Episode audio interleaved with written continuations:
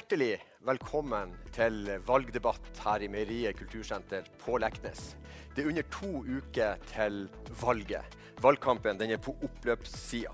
Denne debatten her, den arrangeres av Lofoposten i samarbeid med Vest-Lofoten næringsforening og er en del av høstvekka på Leknes.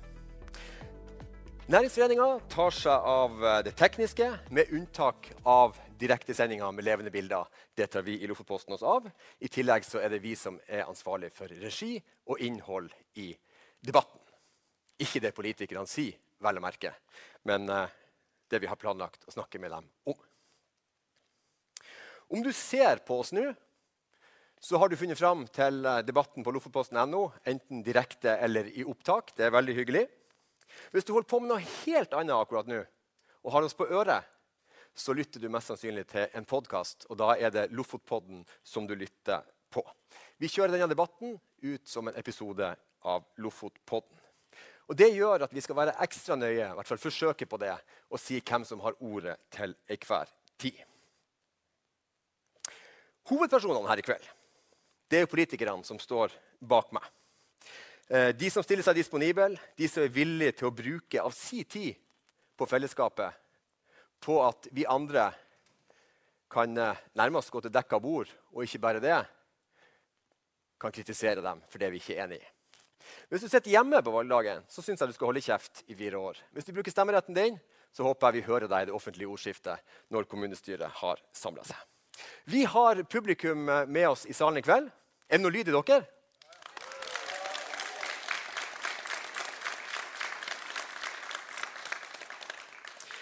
Vi skal rett og slett starte med ei lita utspørring av ordførerkandidatene fra Arbeiderpartiet og Høyre om et av temaene som eh, har eh, vært nå i starten av valgkampen. Eller valgkampen er jo på oppløpssida. Det har prega en del av valgkampen i hvert fall. Eiendomsskatt. Bli med meg bort hit. Det er lov å klappe.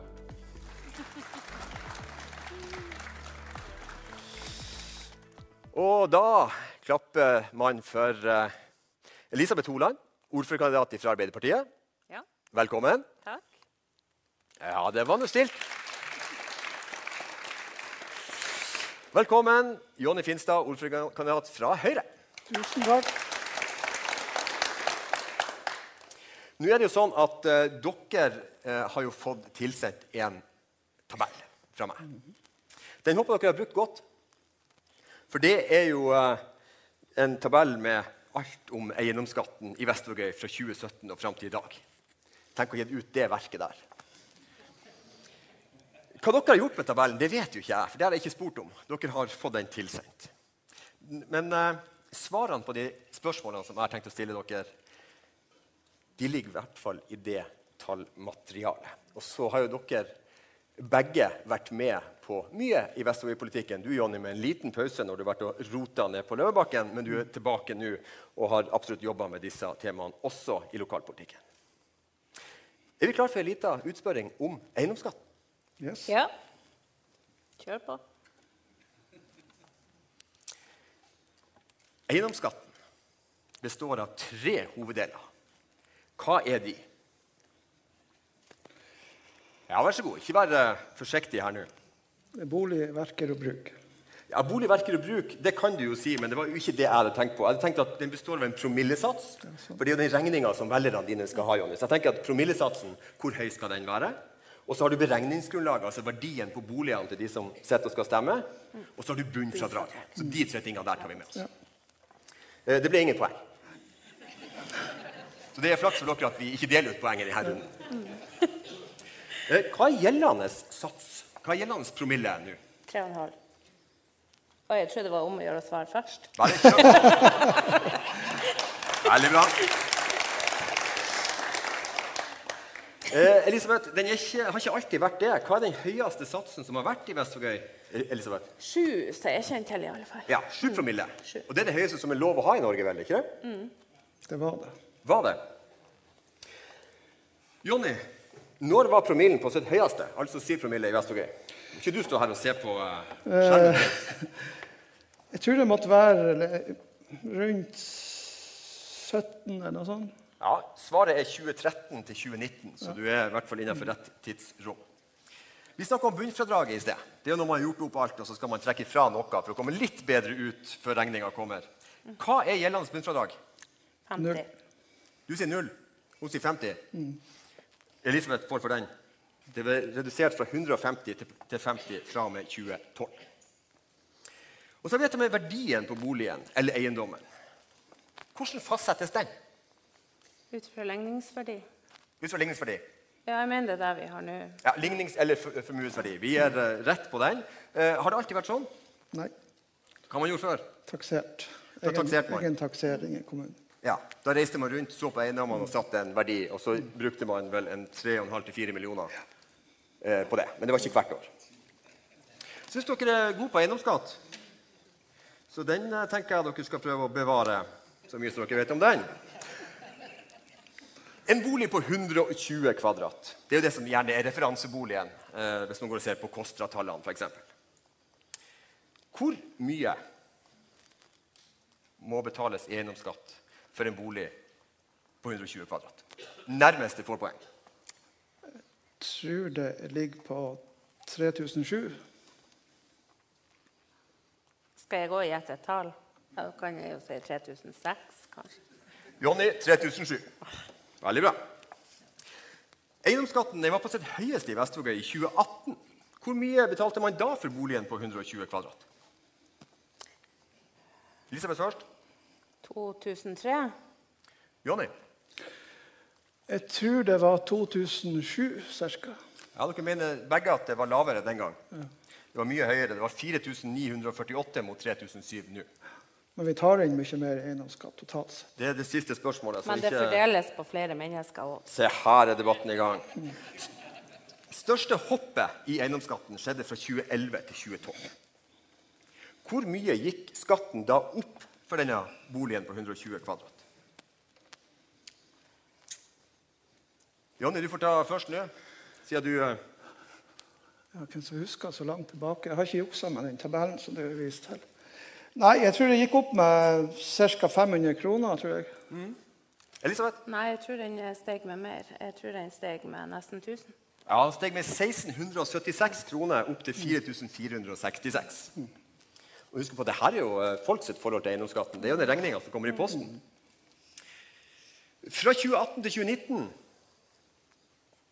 så skjedde den største nedgangen i eiendomsskatten for referanseboligen.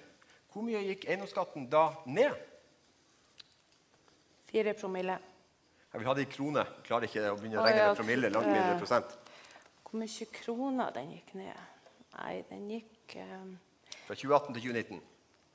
Det er den boligen du snakker om? Det er referanseboligen på 120, så det er ikke noe småbruk, det her. Du Nei, da gikk den skru kanskje ned 800. Jonny, Jeg sier 4. 1000? 400? 400. 400? 1233 til 3715. Vi nærmer oss slutten på denne utspørringa. Eiendomsskatten inneværende år, er den høyere eller er den lavere enn i 2019? Han er lavere. Den er høyere. Den er lavere. Regner du prosent nå? Eller det er regner det du- kroner. Forhold meg kun til det folket må betale. Hvor mye lavere enn i 2019? Jonny? Nei, eh, jeg vet bare at den er 35 millioner nå, og det er en økning fra tidligere. i hvert fall. Ja. Men det er heldigvis ingen som får regning på 35 millioner. Nei, I på, Elisabeth, Nei, pass. Jeg, jeg, han er hele 15 kroner lavere enn i 2019. Og så eh, nest siste spørsmål. Hva er tilsvarende tall i Vågan? Altså eiendomsskatten for referanseboligen på 120 kvadrat. Hva betaler folk i Vågan? de betaler mer. Jeg kan si såpass mye at det er rett. Men hva betaler de? jeg tror det er 4002 eller noe sånt. 4000? Ja, eh, Som bosatt i Vågan så skulle jeg ønske dere begge hadde rett. Koster 6000 kroner på andre sida av Synklarbrua. Helt til slutt. Hvor mye tok Vestvågøy kommune inn i eiendomsskatt samla sett i 2022, altså i fjor? 29 millioner. 29. 29 millioner. Takk for uh, litt oppklaring om eiendomsskatten. Bli med meg bort til de andre.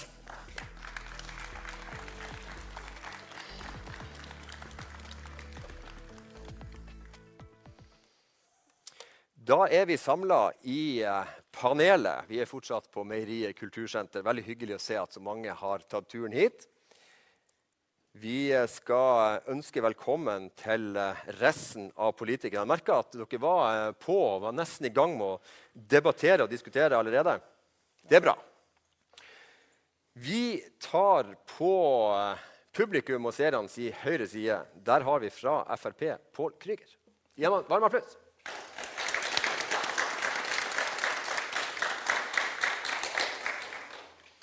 Og neste på min venstre, på deres høyre side, har vi fra KrF Monica Kleffelgård Hartvigsen.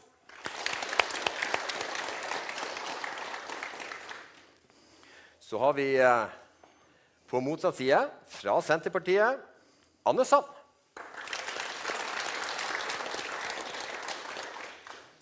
Og helt ytterst på eh, min høyre flanke. Det syns du kanskje var rart å høre. Men uansett, fra SV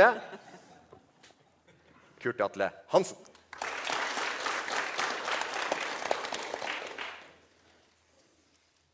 Vi har jo et ønske om at denne debatten skal bli så oppklarende som, eh, som mulig. Men framfor alt så håper vi at vi kan få fram noen ulikheter mellom partiene. Hvis de er der. Hva tenker du, Elisabeth? Er dere egentlig enige om hvordan dette skal styres, eller er det noen ulikheter å få fram her i dag? Nei, det er, det er noen ulikheter, ja. Det er noen ulike prioriteringer. Og de skal vi klare å få fram? Ja, jeg tror det med det opplegget du har, så kanskje.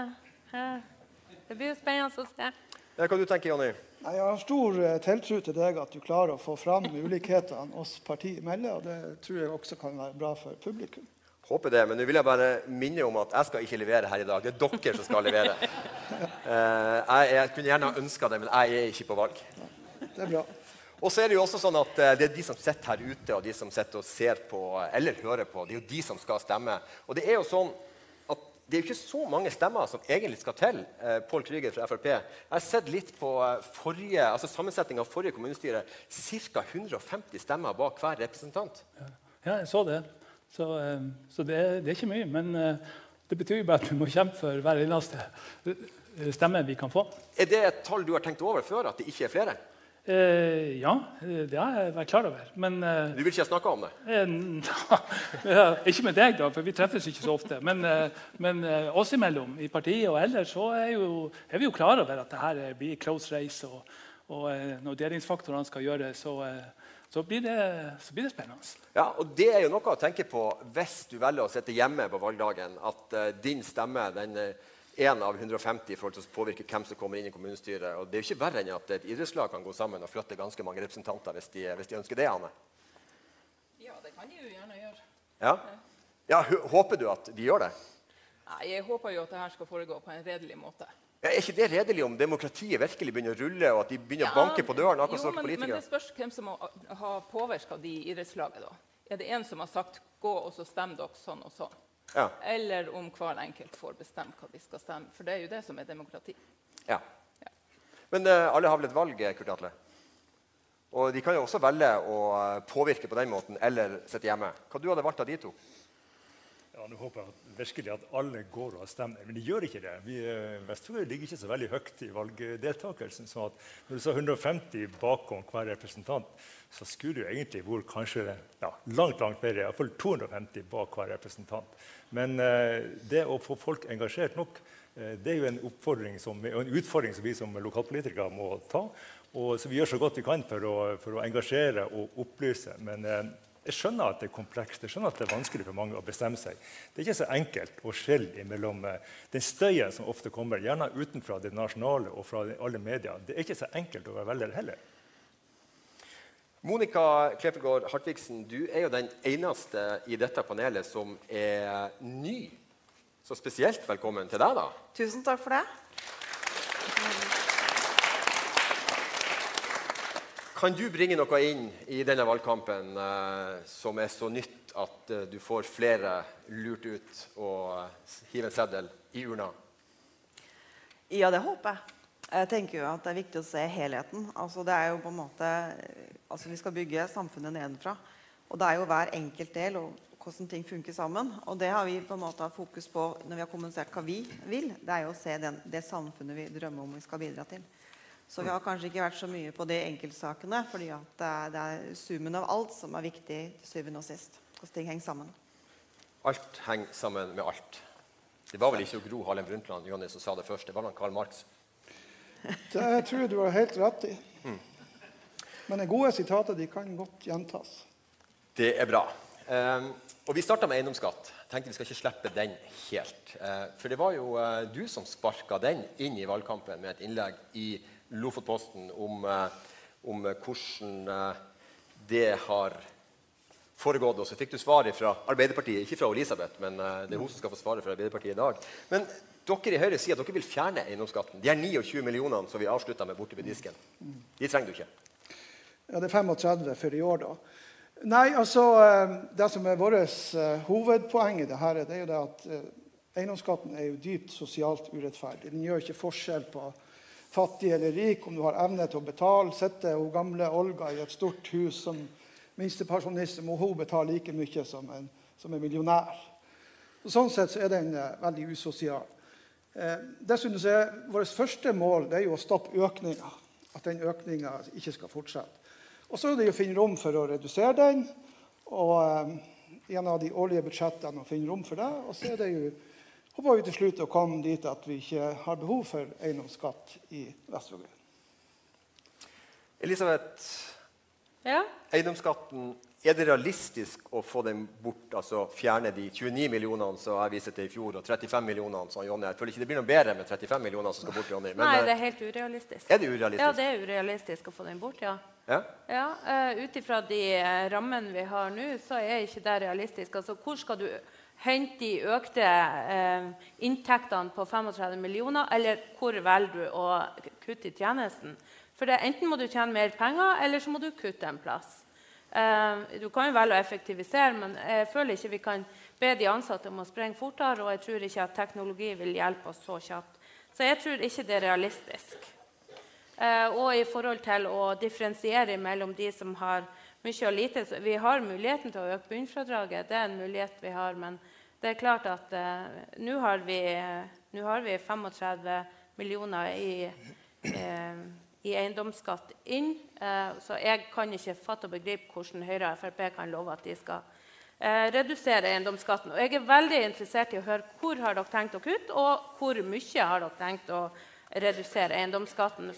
Ja. ja eh, Pål Krüger, du har jo gjort det til en egen øvelse å være opposisjon i egen person i de, de her fire årene som er gått. Og du har jo brukt kalkulatoren mye, har jeg sett, i ja. Lofotposten. Ja. Hvordan skal dere eh, hente inn det her? For du er også med på det som Jonny sier her om å kutte eiendomsskatten. Ja, ja. Uh, ja, ja, Som de enkleste ting. Hva sa Som de enkleste ting. Ja, ja, vi kutter. Ja, ja, Det er ikke alltid, men, men det blir mer etter hvert. Uh, blir mer eiendomsskatt? eller? Nei, nei, nei mer samarbeid. Uh, får, får, vi tro det. Uh, for det første er det som Jonny sier, den er, den er urettferdig, for å bruke et enkelt uttrykk. Um, og når den er urettferdig, så bør vi klare, må vi fjerne den. Vi har, vi har et budsjett i kommunen her på et totalbudsjett på rundt 1200 millioner. Det utgjør altså ca. 3 promille i året hvis vi skulle redusere den med sånn som vi kommer til å foreslå, ca. 4 millioner i året. Og da eh, har vi eh, altså, Budsjettet er så stort at, eh, at, vi klarer å ta det inn hvor, hvor enn det måtte være. Altså, men Du sier 1200 millioner, men det, det, kan si 1,2 milliard for kommunebudsjettet i Vest-Norge har passert en milliard. Ja, 1200 millioner. at er, Da blir eiendomsskatten på rundt 30 millioner så lite at det kan dere bare kutte. Hvis det er så lett som det dere står og sier ja. nå, hvorfor er den der fremdeles? Fordi at vi ikke har fått flertall. Og jeg, vi, er de, vi er de vi er, de, vi, er jo de, vi er jo de eneste som har lagt frem et alternativt budsjett til, til kommunedirektøren. Resten har egentlig stemt på kommunedirektørens budsjett. I vårt budsjett så har vi tatt ned eiendomsskatten. Og vårt budsjett er mer realistisk egentlig når vi gjør opp året, enn kommunedirektøren sitt. Men, for, men, men altså, vi har flere områder men, vi kan Paul, Paul, Paul, du, ja? må, må, du huske at uh, Jeg okay. skulle ikke levere, men jeg skal lede debatten. Ja, uh, men, men uh, nevn de to viktigste tingene du da skal, skal ta på andre sida for å hente inn de her pengene. Hva du skal kutte, eller hva du skal levere mindre av. To ting. De to viktigste før Kurt Atle fra SV skal få ordet. Vi kunne, jo, eh, vi kunne jo begynt med eh, noe som er litt upopulært i mitt parti, men dog. Vi kunne jo begynt med å, eh, å innføre parkeringsavgift.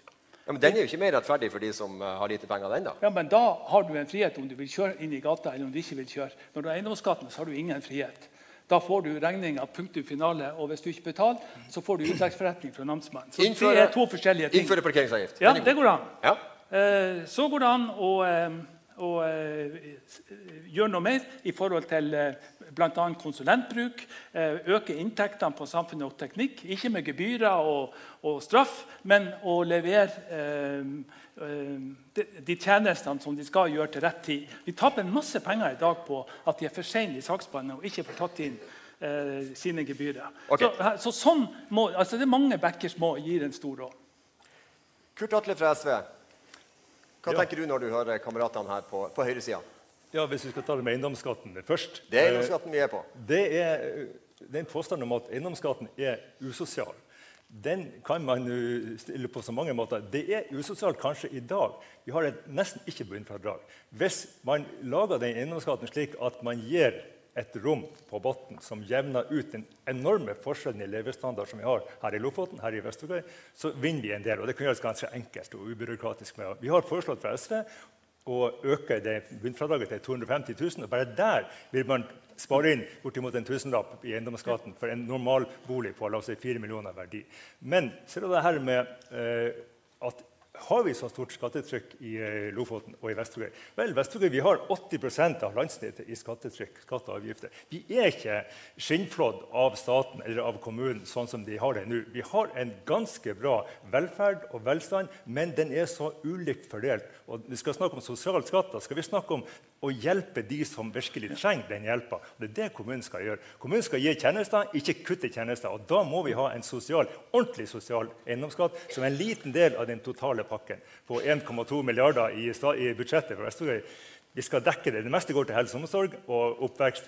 Det må dekkes Men, hvis jeg forstår deg rett, så Du vil øke bunnfradraget for å gjøre det mer sosialt? Vi har foreslått å øke bunnfradraget vesentlig. Det vil vi uh, gjenta nå i høst. Takk, for det er 50, 50 000. Jonny Finstad fra Høyre. Ja, altså, eh, Jeg tok ordet, eller ba om ordet fordi at uh, jeg har bare lyst til å rose Kurt Atle og SV for at de virkelig viser at de ønsker en sosial profil på eiendomsskatten. Og det er nettopp det vi også ønsker når vi skal begynne å redusere eiendomsskatten. Så er det nettopp å få en sosial profil med økt bunnfradrag og kanskje også fritak for de nyetablerte i, i så og så mange år. Det vil være en viktig start. Pål, Frp? Ja, men, altså, vi, er jo, vi er helt åpne for å finne ut av hvordan vi kan redusere eiendomsskatten. Men SV har, har ikke bare økt, foreslått økt bunnfradrag, men de har økt promillegrensen også med det dobbelte. Så du snakker litt med to tunger her. Men, men vi blir enige hvis det, hvis det, er i den retninga han eh, går nå. Veldig bra. Og så er jeg så glad for at vi nå har lært alle som ser og lytter på hvordan eiendomsskatten henger sammen. Dette med bunnfradraget og promillesatsen og alt, at alt henger sammen med alt. Eh, som han, det sitatet som Jonny er så kjent for. Eh, Anne Sand, du har sittet tidvis som ordfører denne perioden og eh, har vel nytt godt av eiendomsskatten? Ja, det vil jeg absolutt tro. Hva du har brukt den til? Den går jo inn hva skal jeg si, i det store sluket. Vi kan jo ikke peke på at eiendomsskatten har gått til å dekke det og det og det. og det. Men den har gått til å gi oss gode tjenester i eldreomsorgen og i helse og innenfor skole og innenfor alle områder. Så, så, det her med å, å, Jeg er enig med Elisabeth det å, å ta ned eiendomsskatten på kort sikt. Vi har i vårt program at vi vil redusere den dersom det er forsvarlig innenfor kommunens økonomiske rammer. Men jeg tror foreløpig ikke at vi er der. Da må vi i så fall få mer å, eh, å, å gå på og mer å rutte med. Vi skal runde av denne delen på eiendomsskatten. Men bare sånn, uh, starte med det, der, eiendomsskatten med dere i flertallsgruppering, blir han eh, fjerna? Blir han holdt på dagens nivå, eller blir han høyere? Kjapt. Vi har ingen mål om uh, verken å røre han opp eller ned. Altså, det, vi, vi, skal ha trygg økonomisk styring.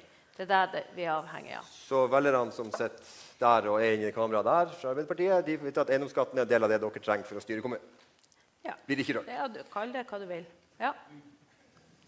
Anne, dere vil uh, redusere den, uh, men så har dere en sikkerhetsventil hvis det er mulig? Ja, som jeg sa. Dersom det er økonomisk forsvarlig, så vil vi se på en reduksjon av eiendomsskatten. Men kanskje da først og fremst i form av å eh, redusere bunnfradraget. Vi vil også se på om det er mulighet for å kunne differensiere eiendomsskatten på noen måte. kan du, kan du, For det vet jeg ikke ut ifra lovverket. Men vi, vi, kan se på om det er mulig å differensiere f.eks. mellom primærbolig, sekundærbolig, fritidsbolig. For på den måten å gjøre det, uh, gjøre det bedre for de som bare sitter på en primærbolig. i alle fall. Eh, for der har jo også kommunen, I tillegg til de her tre enkelthetene, så har kommunen også muligheten til å si at man skal betale på primærbolig, men man skal ikke betale på fritidsbolig. For eksempel. så det har man jo også mulighet, og det er jo blant de tingene dere regulerer på. Jonny, det svaret gir seg vel sjøl? Ja. Nedmann, som Stopp, man er stopp økninga først, og så en sosial profil på senking. Pål? Den skal ned eh, med 4 millioner i 2024. Ja, ingen som har fjerna den? Ingen som har fjernet, ingen som vil gå Jeg kan ikke fjerne den kan ikke fjerne på et år. Det, det, blir, det blir litt for tøft. Kurt Atle fra eh, SV.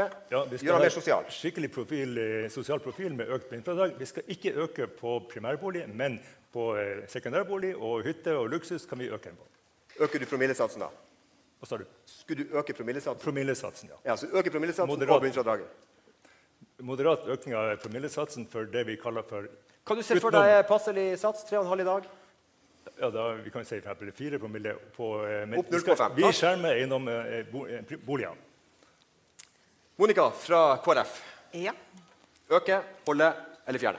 Vi vil også gjerne beholde den som den er i dag, at vi har fortsatt eiendomsskatt. fordi det er viktig å ha det, det handlingsrommet og de midlene til det tjenestetilbudet som, som vi skal levere.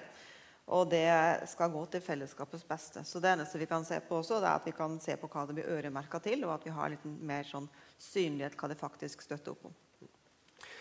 Vi skal over til en annen avgift. Og jeg vet ikke om den er mer eller mindre rettferdig sosialt sett enn eiendomsskatten. Den kommer nå i posten, denne også. Eh, men det er vann og avløp. Dette er en eh, avgift som i Vestvågøy har gått opp og ned.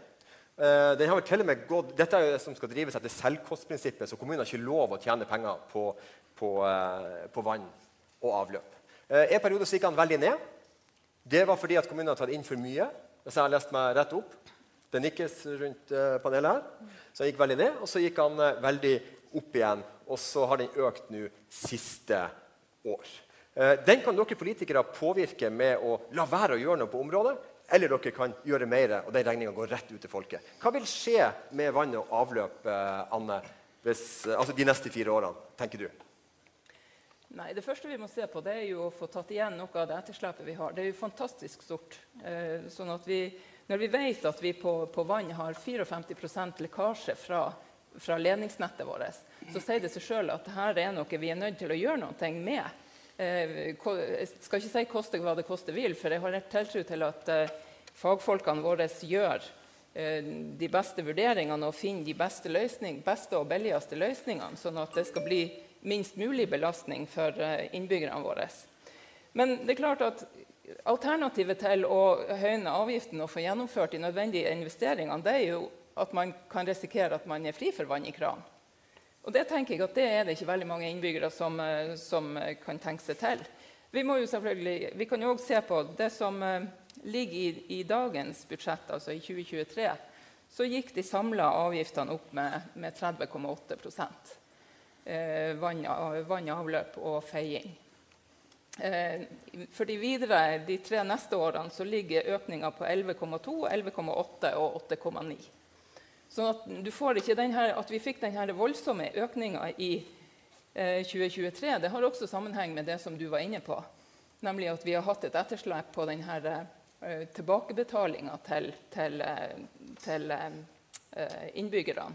Sånn at eh, vann- og avløp, avgiften har vært unaturlig lav over en periode. Men hvis vi ser fremover de neste fire årene, eh, så hva er det innenfor vann og avløp? Hvor ligger ambisjonsnivået til dere? For det er det som påvirker regninga her. Jonny? Det er å finne rette nivået. altså, vi trenger ikke å kjøre Porsche hvis vi kan klare oss veldig godt med en Golf. Altså finne det rette investeringsnivået og ambisjoner at det er liksom godt nok. Og, og jobbe litt smartere innenfor vann og avløp, som gjør at vi eh, får en lavest mulig regning til innbyggerne våre. For Ja, det er de tross laveste- alt som skal betale. Den laveste mulige regninga den får dere hvis dere ikke gjør noe. Er det sånn at man kan la være å gjøre noe? Ja, Det har jo lagt veldig ambisiøse planer i kommunen, og, eh, og de har man jo ikke klart å gjennomføre. Så det er vel eh, det er det Pål ofte har vært inne på også, det å ha litt mer realistiske planer som vi klarer å, å faktisk gjennomføre. For det, for å svare på spørsmålet, det er ikke realistisk å ikke gjøre noe. For folk må ha vann og den infrastrukturen der. Det er utrolig. Dere snakker bare om vann, ikke det som kommer ut. Og selvfølgelig avløp. Og Monica, hvordan er det med det som kommer ut når vi har brukt vannet? Altså kloakken, det som går i avløpet? Ja, det må jo tas, det òg. Vi har jo utfordring bl.a. i eh, Buksnesfjorden, som er en terskelfjord. Sånn at det blir mye, og vi er nødt til å gjøre et eller annet på det. Og det, det er jo noe som må inn i den planen på et eller annet tidspunkt. Og så må man se kostnadene og tidsperspektivet. Men det må i hvert fall legges en plan på det. Og kanskje også kan man se alt under ett, og kanskje også de jobber litt interkommunalt på det her, hvordan vi skal løse det. For å se om vi kan få ned kostnadene, og ikke minst bruke både kompetanse og, eh, og ressurser felles. Mm. Så er vi inne i ei dyrtid nå hvor eh, alle regningene til folkene øker. Eh, påvirker den nasjonale og globale situasjonen disse valgene helt ned til vann- og avløpsnettet i Vestvågøy? Kurt Atle fra SV. Eh, ja, hvis jeg skal svare på det, så jeg svarer ja. Det er klart Alt generelt blir mer kostbart pga. at vi har en krig i Europa, vi har krise, vi har, vi har miljøkrise som er utløst enorme forsikringsutbetalinger i år. Og vi har vel bråvåkna til en virkelighet hvor vi virkelig ser betydninga av at vann avløp, spesielt det med avløp over vann, er under kontroll. Og det er mange kommuner som har latt det ligge som et forsømt tema i alt, altfor lenge. Men en annen aspekt, et annet aspekt ved det å ta ned kostnadene og ikke bruke penger på vann og avløp, det er for det første at vi, folk får ikke det gode, trygge vannet som vi skal ha. Hvis ikke så får vi eh, folkehelseproblemer. Vi, vi, flytter regningen til andre plasser. Hvis vi ikke bruker nok penger på avløp, så får vi òg folkehelse- og miljøproblemer. Så vi må bruke mer igjen for å ta eh, på andre eh, utgiftsposter. Sånn at, og da kan vi bare nevne stikkordet Buksnesfjorden. Sånn at en moderat og fornuftig eh, avgiftspolitikk som Vestvågøy har Ok, Vi har hatt et avgiftshopp fordi vi har et stort etterslep. som Anne var inne på. Men nå vil vi ha et mer fornuftig eh, nivå fremover, og det skal vi være fornøyd med. Fortsatt så har vi enda mer å ta igjen, men vi må fordele det, og vi må få kvalitet igjen. Og så er jeg litt enig med eh, andre sida her at Overdreven konsulenthjelp har en tendens til å drive opp kostnader i større grad enn det ofte er nødvendig. Kommunen bør ha kompetanse sjøl til å ha et nøkternt eh, nivå og kunne gjennomføre et nøkternt nivå på vann og avløp. Men Elisabeth, det at det er nå den situasjonen vi har, med hvor eh, mange sin økonomi er langt mer pressa enn det var bare for to år tilbake. Eh, er det sånn at dere politikere i Vestvågøy bør tenke at eh, vi driter i vann og avløp fordi det vil være for dyrt for folk å betale den regninga nå? Nei, det er jo ikke akkurat behagelig når det brenner på dass. Altså, sånn. Så eh, nei, jeg tror at vi, eh, vi må vurdere investeringstakta på vann og avløp. Og, eh, men vi er jo i samme situasjon. Enormt mange kommuner. Alle har skyva det her ut i tid. Det har vært salderingsposten hos mange. Og jeg tror at vi eh, er, vi er vel kommet dit at eh, staten må også ta et ansvar, og det mener jo KS òg. Ja. Så jeg tror at det her det kan ikke vi ta helt alene, men vi må skyve det ut i tid, eh, sånn at ikke investeringstakta blir for høy. Sier du nå at dere ikke vil gjøre noe de neste fire årene? Nei, det, vi er jo nødt til å gjøre noe. Det renner for mye vann ut. det, Så dere må gjøre noe? Vi er jo nødt til, vi er jo avhengige av å gjøre noe, men vi er nødt til å gjøre harde prioriteringer. Avgiften økte med 40% siste året. Eh, og da er det sånn at Jeg hører ut ifra dels det politikerne svarer her, det er at innbyggerne i Vestvågøy har grunn til å forvente at uh, vann- og avløpsregninga kommer til å øke de neste fire årene. Ikke 40 ja. Jeg sa ikke 40% jeg sa at det kommer til å øke. Ja, men jeg tror at vi må i større grad søke samarbeid der vi kan gjøre det sånn at vi kan få ned kostnadene. Samsund er et sånt eh, prosjekt der det skal gang- og sykkelvei inn. Vi kan også se om vi kan få inn bredbånd. Altså, vi er nødt til å søke samarbeid for å få ned kostnadene der det er mulig. Eh, Anne, det her var egentlig et forsøk fra min side på å gå videre fra vann og avløp. Ja, nei, men Det var bare en kort kommentar. Altså, Kommunebarometeret sier faktisk at vi er på 60.-plass i landet når det gjelder eh, kostnad til VA-revisjon og feiing. Men det er vel fordi at det er en jobb som ikke er gjort? Selvfølgelig er det fordi at vi har stort etterslep, men det har veldig mange andre òg. Men det at vi tross alt er på 60.-plass, det er mange som har det mye mye verre enn oss. for å si det sånn. Ja. på, på dette området. Det kan du si som politiker, men jeg står her og hører på og tenker at det blir som at Vegvesenet skal komme og skryte av at vi har så lave kostnader, og så er ikke veien ordna. Det blir litt sånn. Det er en medaljens bakside. Det er en jobb som ikke er gjort. Det er et etterslep i Vestvågøy på vann og avløp. Pål. Ja. ehm, det er for så vidt et etterslep, eh, og det er lekkasje. Men det er ikke dokumentert skikkelig hvor store lekkasjene er. Og noen lekkasjer vil vi uansett ha. Og det går an å utbedre lekkasjene etter hvert. Vi har et prosjekt som har gått nå i siden vedtatt i 2013. Skulle være ferdig i 2017, og ennå er det ikke kommet vann til Balstad fra Mørtalsvannet. Det skulle ha en kostnad på 40. Jeg vet ikke hvor kostnaden ligger nå. 240, kanskje. Det, det er helt ute av, ut av kontroll. Så eh, vi er nødt til å stoppe opp. Der er vi enige, håper jeg. For Det har vi bedt om i flere runder i, i vedtaksform, så vi blir nedstemt. Nå må vi stoppe opp. Nå må vi se på hva skal veien videre. Hva skal vi prioritere? Og Da skal vi prioritere å renske opp kloakken som går åpent ut i fjæra i Buksnesfjorden og i Stamsund, Hartvågen og Nilsvik og sånne plasser. Så skal vi prioritere å holde eh, vannsikkerheten i orden. Men vi kan ikke gjøre, ha de her eh, store prosjektene gående nesten ute av kontroll.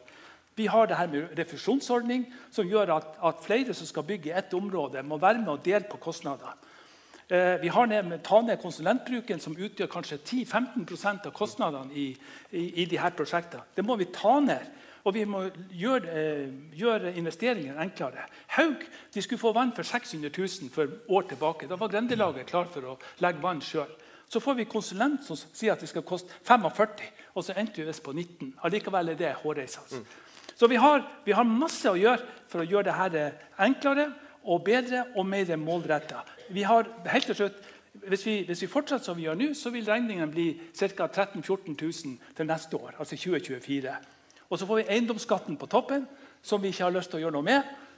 Altså, Vi skal ha folk til å bo her. Du har et tema som kommer senere. Så eh, dette er en sak som vi kommer til å eh, bruke masse energi på.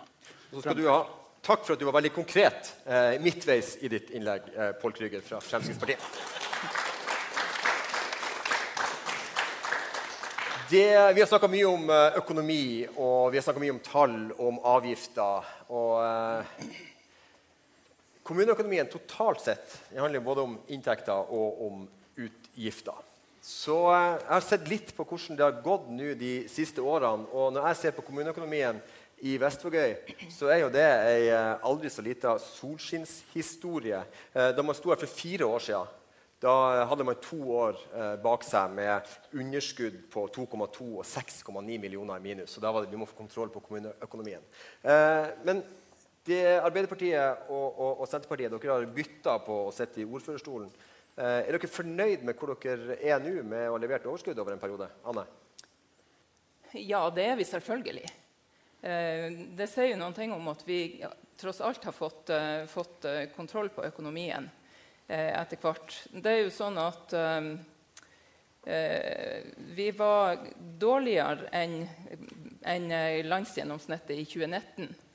Eh, Da brukte vi mer eh, per innbygger enn enn eh, vi gjør i 2022. Da bruker vi mindre per innbygger etter, etter KOSTRA-tallene. Sånn vi, vi har hatt en effektivisering i drifta. Men det er helt klart at de gode resultatene vi har hatt de siste årene, det er jo også som følge av god skatteinngang, og, og for 2022 da også noe fra havbruksfond. Sånn at det er all grunn til å fortsette å ha fokus på, på drifta og driftsbudsjettene. Eh, Vi er nødt til å, å se på hvordan vi skal rigge drifta i forhold til de utfordringene vi står overfor. Med at vi blir færre unger, det blir flere eldre, og det er færre til å gjøre jobben som skal gjøres. Eh, vi må, ja, det er greit at vi har opparbeidet oss et eh, disposisjonsfond som nå er på 84 millioner. Men disposisjonsfondet skal jo ikke være til å dekke underskudd på løpende drift. Det skal være til å, så man kan ha å ta av eh, eh, ved spesielle hendelser. Så vi er nødt, vi har hatt fokus på drift, vi må fortsette å ha fokus på drift. Og det mener jeg at vi skal, at vi skal klare med den, med den måten det jobbes på nå. 84 millioner i driftsfond, eh, Jonny. Eh, Kjenner du at det kribler til å komme og få kloa i de pengene?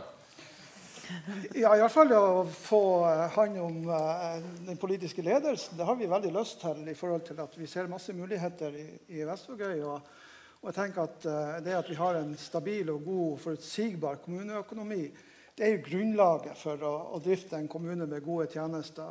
Men det som er aller viktigst for oss, det er jo ikke aller viktigst, men det er jo å begrense eh, på en måte utgiftene og så øke inntektene. Altså Ha fokus på samfunnsutvikling og de skatteinntektene som hun, eh, Anne nevnte. fordi Det er utrolig viktig at vi har et næringsliv og et samfunnsliv som går veldig godt. og Det har også med å skape bolyst i Vestvågøy. For det har med økonomien til altså Dess flere innbyggere, dess bedre økonomi. Mest innbyggere, så er det motsatt.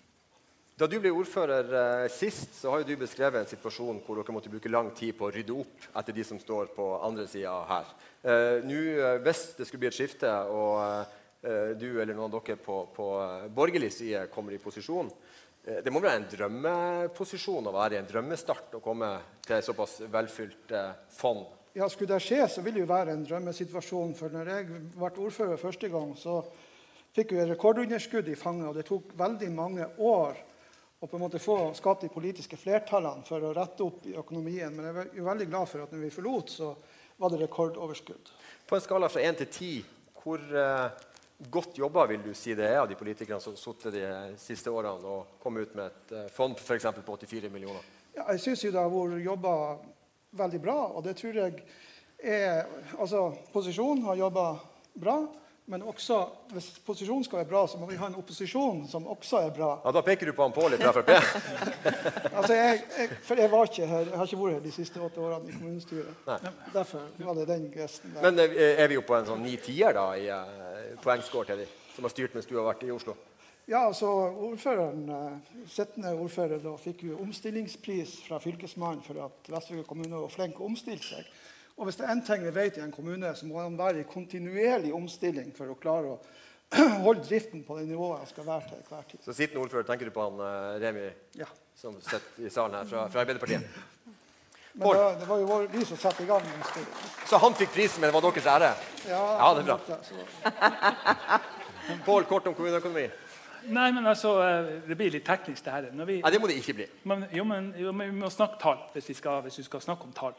Ja, men Da går vi over på eldreomsorg med en gang. De, de, ennå, la oss nå bare ta enkelt. De 41 millionene det er 10 millioner i økt gjeld. Altså, Vi har lånt 10 millioner av de 41. Så har vi 19 millioner i pensjonspremieavvik, som ikke er penger på bok, men som er bestående i balanse med en kortsiktig fordring over tid. Så vi har 8 millioner som vi har tatt fra Flyktningfondet, som vi allerede har brukt i år. Og så får vi første tertial i år, som går med et gigantisk underskudd. Og prognosen ut året ser dårlig ut. Sånn at vi har masse å ta tak i. Det betyr ikke at, at det ikke er mye bedre å, å, å levere et, et, tall, selv om i min kalkulasjon er det mer balansemassasje enn en reelle driftsresultat. Så, eh, så har vi nå et utgangspunkt som er bedre enn å ha underskudd. Men det betyr ikke at tallene er reelle i et driftssammenheng. Du skal ha eh, takk Og det jeg vil takke han Pål Trygger fra Frp eh, for nå, det er at han advarte oss om at det kom til å bli teknisk. Så eh, med det så tenker jeg at jeg tar deg med bort i skammekroken Pål, til ei aldri sitte utspørring. Straffa kommer nå. Vær så god. Kom inn. Ja, Gi nå Pål Trygger en liten applaus på turen bortover til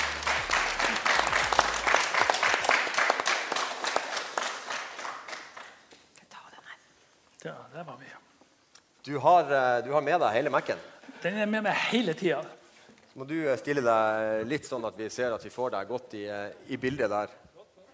Ja. Eh, Pål Krüger, du eh, er jo blitt Fremskrittspartimann etter hvert Høyre-mann i mange år. Eh, det spurte vi deg om for ett år siden etter en tilsvarende debatt. Da var det ett år før valget. Nå er det under 14 år dager til valget. Ja. Men da hadde vi ei, en liten uh, seanse her ute i foajeen med, med sending på Lofoposten. Ja. Og da uh, var du der at du viste til at du da jo snart skulle fylle 70 år. Ja, det har jeg jo visst en stund. Ja, ja det har du visst. Ja. Uh, jeg vil si at du har visst det nesten hele livet. Ja, faktisk.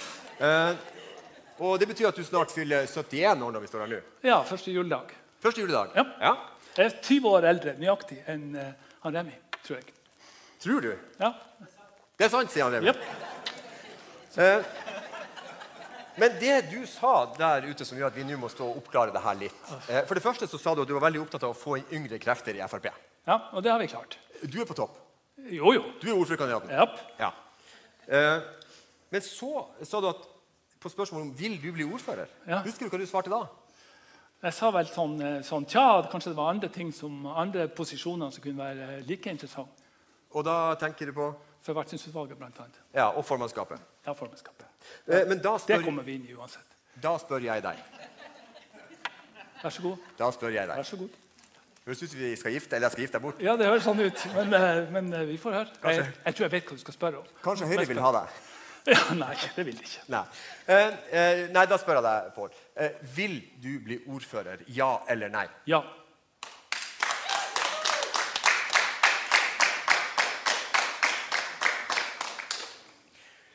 Hvis, og gratulerer. Du var jo den som eh, flest eh, personer ville ha som ordfører på den spørringa vi hadde i Lofotposten de Ja. siste 24 timene. Var ikke det artig? Så eh, 21, ja, det, det sier ikke jeg noe om hvor artig det var. Nei, nei, men det er artig for meg. Det, det, en, det gir jo en viss sånn stimulans, uten at vi skal legge altfor mye i det. Ja, en 1200 stemmer eh, på den avstemminga, og du fikk 21 av, eh, av, av stemmene. Så gratulerer med det. Ja, flott. Eh, hvis du blir ordfører, Ja. vil du kle den rollen? ja. Det blir annerledes enn eh, det vi har hatt. Eh, Det sier seg jo sjøl, for jeg er en annen type person da. Men eh, jeg tror jeg vil kle rollen. Jeg tror, jeg, jeg tror folk vil få det artig rundt meg. Både motstandere og medspillere. Og vi skal bli enda flere medspillere etter hvert. Så jeg er ganske sikker på. Men du skal skape medspillere. Det, det er vel nesten bare du igjen i Frp nå? Jo, nei Herlighet. De andre har vel forlatt i løpet av denne perioden? Ja, ja, ja, vi var litt uheldige der at det var noen som trakk ut. Men nå er, vi er det jo nyvalg. Så nå tenker jeg at nå, eh, holder vi eh, i hopen ut perioden. Ja. Vi som, det er jo andre partier som har tapt en og annen også. Ja da, ja da. Det Ja har da. vært, en, det har vært noen overganger har eh, vært i, noen i Vest-Norge. Det, Ja. det, det har det. Så det skal vi prøve Men å forsøke. eh, du har vært en markant opposisjonspolitiker. Ja. Eh, du er ikke redd for å skuffe de som eh, liker opposisjonspolitikeren Pål Krüger med oss å gå for makt? Nei, jeg er ikke redd for å skuffe dem, men jeg forstår at, og jeg tenker på det ofte, at eh, det må ikke skje. Eh, Jeg skal, jeg skal garantert ikke skuffe dem. Jeg skal heller eh, prøve å innfri litt mer enn de hadde forventa meg. Hvis noen i kommunestyret, og du, du, hvis du blir ordfører, Ja. og hvis noen i kommunestyret i opposisjonen blir like tøff i klypa eller i kjeften for å si det sånn, som det du har vært, hva vil du da si til vedkommende? Jeg ser ikke helt i for meg nå, men, uh... Det er det, det, men la oss nå si det at det skulle skje. Så, eh, så er det viktig å holde, å holde figuren når du sitter oppe. I dag, Tidligere så har jeg jo merka litt at det er litt sånn det, det endres litt karakter oppe på, eh, på podiet når jeg tar ordet. Det er jo flere som har kommentert det med. Men eh, jeg skal prøve å holde et godt pokeransikt og være åpen. Og jeg elsker diskusjon. Jeg var, jeg var i Studenttinget i fem år i Trondheim på 70-tallet. Og, og, og, vi- kjempa mot AKP-ere og hele suramitten. Og tok over samfunnet etter hvert. Så jeg elsker diskusjon. Så det, det gjør meg ingenting. men du skal jo da forandre deg hvis du skulle bli ordfører. Må Og det kan hende noen av de som du ikke ser for deg nå, også forandrer seg. At de får horn i panna. Og, Ja, ja, ja. ja. Vi, vi, det rollene, vi spiller jo roller alle sammen. Ja. Nå har jeg spilt en uh, profesjonell HK, og nå, hvis jeg blir ordfører, så må jeg, må jeg spille en annen type rolle. Ja, jeg skal ikke begynne å oversette de her. Nei, ikke de her. det. Nei. Eh, helt til slutt. Ja. Du skal jo være en lagspiller. Uh, og da er jo punkt én å få eh, Frp-gruppa til å holde sammen i fire år. Ja, det- det er Eh, men, det, men så er det jo Hvem er det du vil samarbeide med? Nei, jeg er åpen for, for alle, men Høyre jo, burde jo være lett å nevne, da. Ja. Men, eh, men egentlig så eh, må vi jo se på etter valget. Det, vi har jo, Ja, Det er politikersvaret. Ja, ikke sant? Men nå kan du bare stå og velge uten å tenke på Å ja, valgresultatet. sånn, ikke. Eh, selvfølgelig Høyre er jo helt åpenbart. Eh, vi kan samarbeide med Kristelig Folkeparti og med Arbeiderpartiet. og- Altså, det er bare at vi, vi finner sammen. og Jeg tror ikke vi skal legge så mye i den politikken. Vi skal legge mer i hva slags posisjoner vi får, og hvordan vi har tenkt å jobbe fremover. Så det du det sier, Pål, er at uh, du kan samarbeide med nesten hvem som helst, bare du blir ordfører? Ja. Ja, takk for det. Vær så god.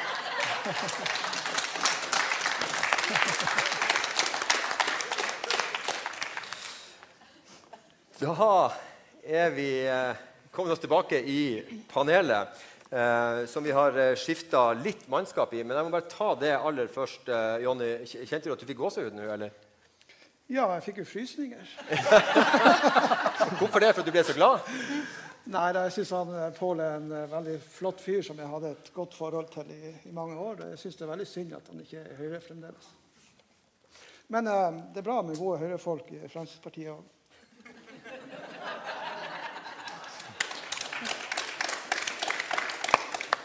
Kan du se for deg med en borgerlig valgseier at, eh, at, eh, og flertall at ordføreren heter Pål Krüger og ikke Jonny Finstad?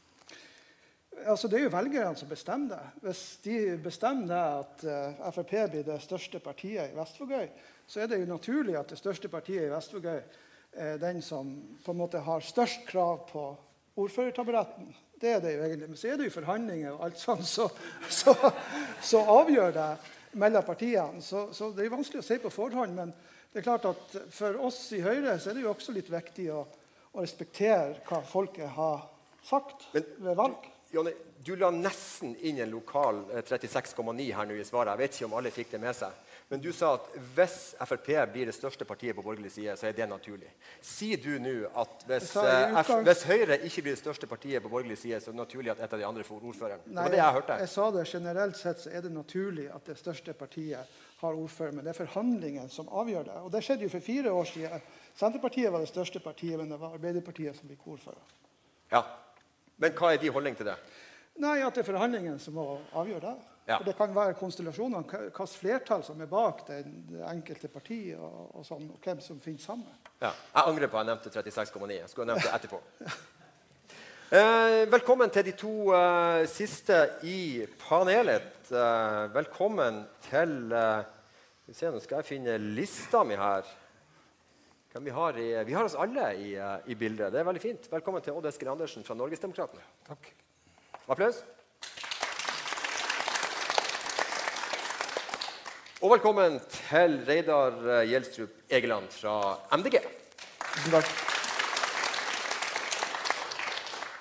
Eh, aller først, Reidar, vi har plassert deg sammen på, med de på borgerlig side. Er det greit? Ja. Eh, vel, vi er jo et eh, blokkuavhengig parti, så eh, vi kan gjerne samarbeide med alle sammen. Eh, men det må være om en miljøvennlig politikk, en grønnere politikk En dypere grønn politikk, tenker jeg. Eh, og der vil vi kjøre litt hardt på. Eh, for de fleste partiene vil jo gjerne være litt grønne for tiden.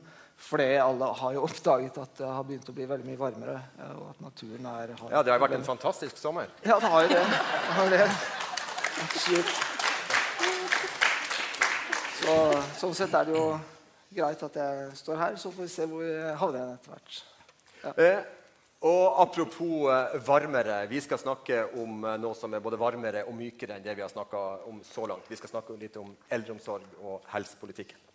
Eh, der er det sånn at eh, Den har også eh, versert litt nå i media fra de siste møtene. Og så har det også eh, vært en del ordvekslinger, får vi vel si. Så jeg hadde tenkt og for så vidt sparka ballen over til deg, Anne, på at du har jo ifølge Lofotposten og det er jo sant, det som står i Lofotposten. Det har jeg lært meg. Så har du blitt beroliga av de orienteringene du har fått fra enhetslederne innenfor helse og omsorg. Kan du bare dra kjapt status i helse- og omsorgssektoren nå i Vestvågøy kommune, og hva det er som gjør deg så beroliga? Ja. Eh, først kan jeg jo si at Vi har veldig gode omsorgstjenester i Vestvågøy kommune. Eh, kommunebarometeret for 2023 sier at vi er på 63.-plass innenfor pleie og omsorg. Eh, og kommunepasset som eh, kommunestyret jobba med før, før, sommeren, der ligger vi sånn midt på treet, litt under. Men det gjøres en god jobb innenfor, innenfor omsorg. Og vi ser jo det at mange som har vært utflyttere i løpet av livet, de kommer tilbake til Vestvågøya når de passerer pensjonsalderen og bosetter seg her. For de vet at vi har gode tjenester i Vestvågøy. Eh, så er det jo sånn at De, senere årene så har det jo mest fokus på at flere, bo, flere, skal bo hjemme, og vi skal tilrettelegge for at eh, folk skal, kan gjøre det. Eh, og da har vi jo veldig mange gode tiltak i kommunen. Vi har forebyggende hjemmebesøk, vi har hverdagsrehabilitering, vi har frisk, Frisklivssentralen, vi har fokus på nye velferdsteknologiske løsninger. Vi har eh, avlastningstilbud, og vi har, vi har, i løpet av denne perioden økt satsene til um, støttekontakt. Men så har vi jo Nå skal jeg komme inn på det som du sikkert uh, er mest interessert i, og det er sykehjem. Vi har jo to sykehjem i kommunen. Eh, vi har eh, Lekneshagen bofellesskap og så har vi Vestvågøy sykehjem. Begge de her har utfordringer med å skaffe faglig kompetent personell. Eh, og Derfor så gjorde vi jo i, fjor, i juni i fjor et vedtak om at vi skulle samle langtidsplassene på Lekneshagen for å kunne møte dagens behov med de, med de ressursene som vi har. Eh, for det er jo sånn, og det vet jo alle, at eh, det blir flere og flere som er over 80. I 2030 er det ca. 300 flere enn det er i dag. I 2040 er det ca. 500 flere enn i dag. Eh, men vi vet òg at levestandarden og, og velstandsnivået er høyere, sånn at befolkninga er friskere. Men med flere eldre så blir det nødvendigvis flere med, med sammensatte utfordringer og med større behov. Og så blir det færre yrkesaktive. Så For å få dette til å gå i hop er vi nødt til å begynne å tenke nytt. Og det må vi begynne å gjøre i dag. Eh, for at vi skal kan betjene eller ivareta eh, eldreomsorgen om 10 år, om 20 år, om 30 år. Eh, det er ikke mulig å fortsette å organisere seg sånn som vi gjør i dag.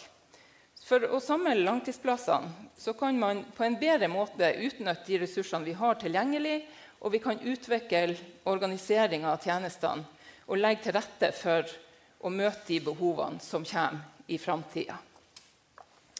Eh, jeg tenker i alle fall at uten at vi gjør disse grepene, så, ikke, så vil verken økonomi eller personellsituasjonen gå i hop.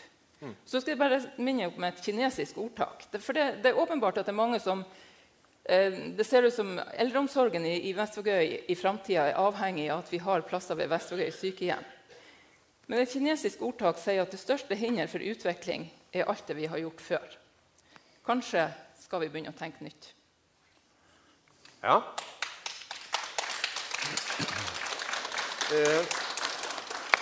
det, det, det, var ikke det kinesiske ordtaket der jeg tenkte på når jeg, jeg, jeg hørte den eh, orienteringa di nå. For uh, jeg har jo nemlig sittet og hørt på den debatten som var for fire år siden. Og der var det mye av det samme. Flere bor hjemme, og, og, og, dette med å drive med forebygging. Er det jobba godt med det de fire årene som vi nå legger bak oss? Ja, det vil jeg si. Det er jo blitt flere eldre, men, men andelen i uh, sykehjem og i, uh, i, langtid, i sånn her bolig med, med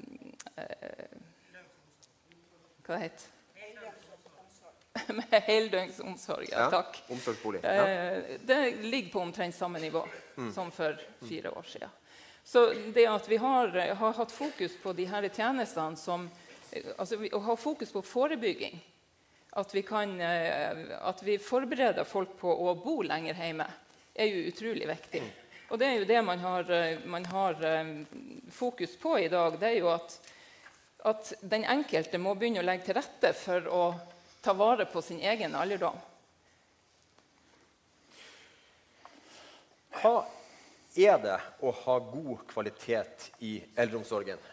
Pål fra Frp. Det at, det at uh, du de, de, eldre og de som har behov for pleie, føler seg trygge.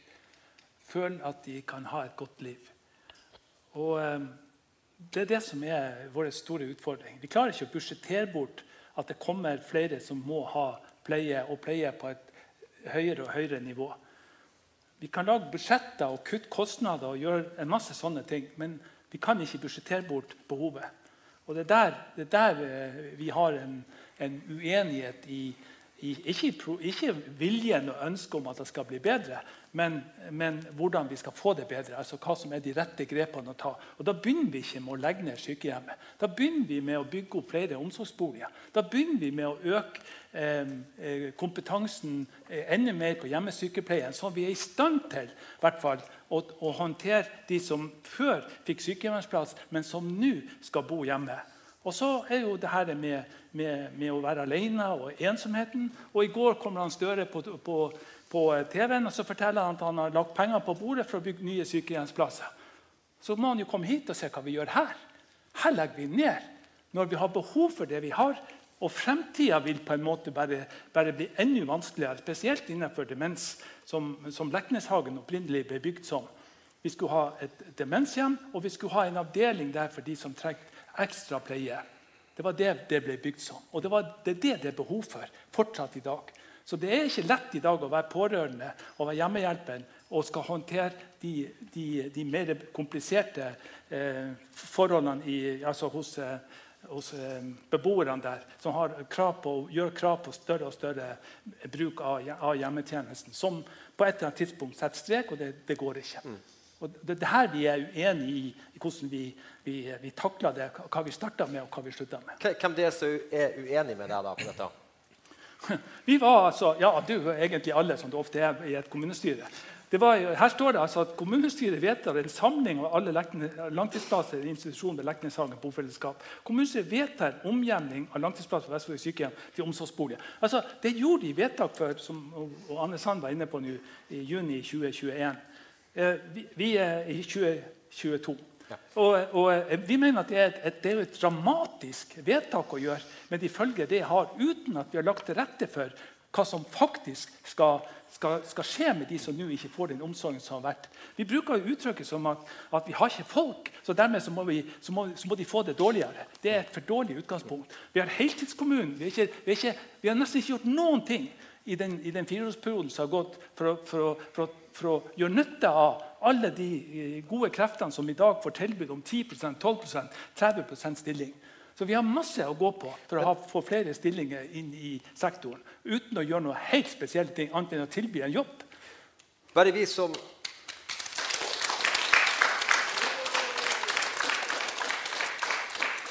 Bare sånn at Vi som ikke sitter og nileser kommunale papirer, eh, 24-7, også kan henge med her. Betyr de her endringene som dere nå snakker om, betyr det at noen som bor på en institusjon i dag, må flytte til en annen?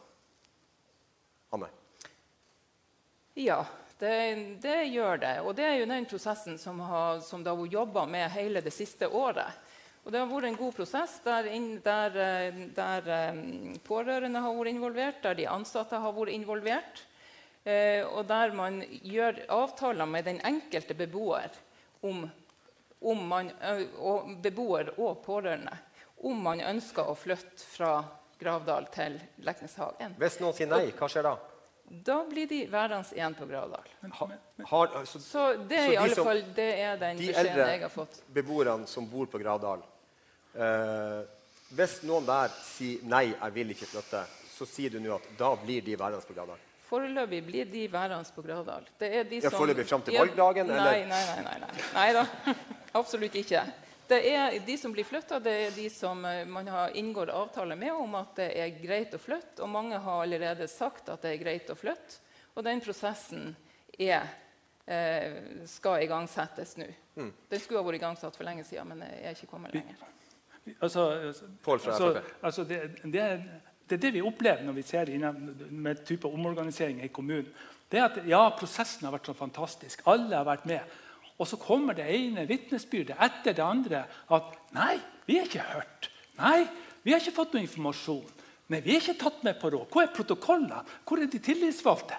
Sånn at, at vi lager oss noen historier her ikke for at vi ønsker at det skal være ondt ment, men vi lager oss historier om at dette er så bra og dette er så grundig gjennomført. Men vi har eksempler på eksempler at det rett og slett ikke er ordentlig gjennomført. Replikk eh, Anne Sand på at dere ja. lager dere historier som ikke er ja. sann? Nei, jeg vil jo bare si at det ligger, det ligger en fyldig dokumentasjon på kommunens hjemmesider over hele denne prosessen. Alle møter som har vært gjennomført, både med pårørende og ansatte.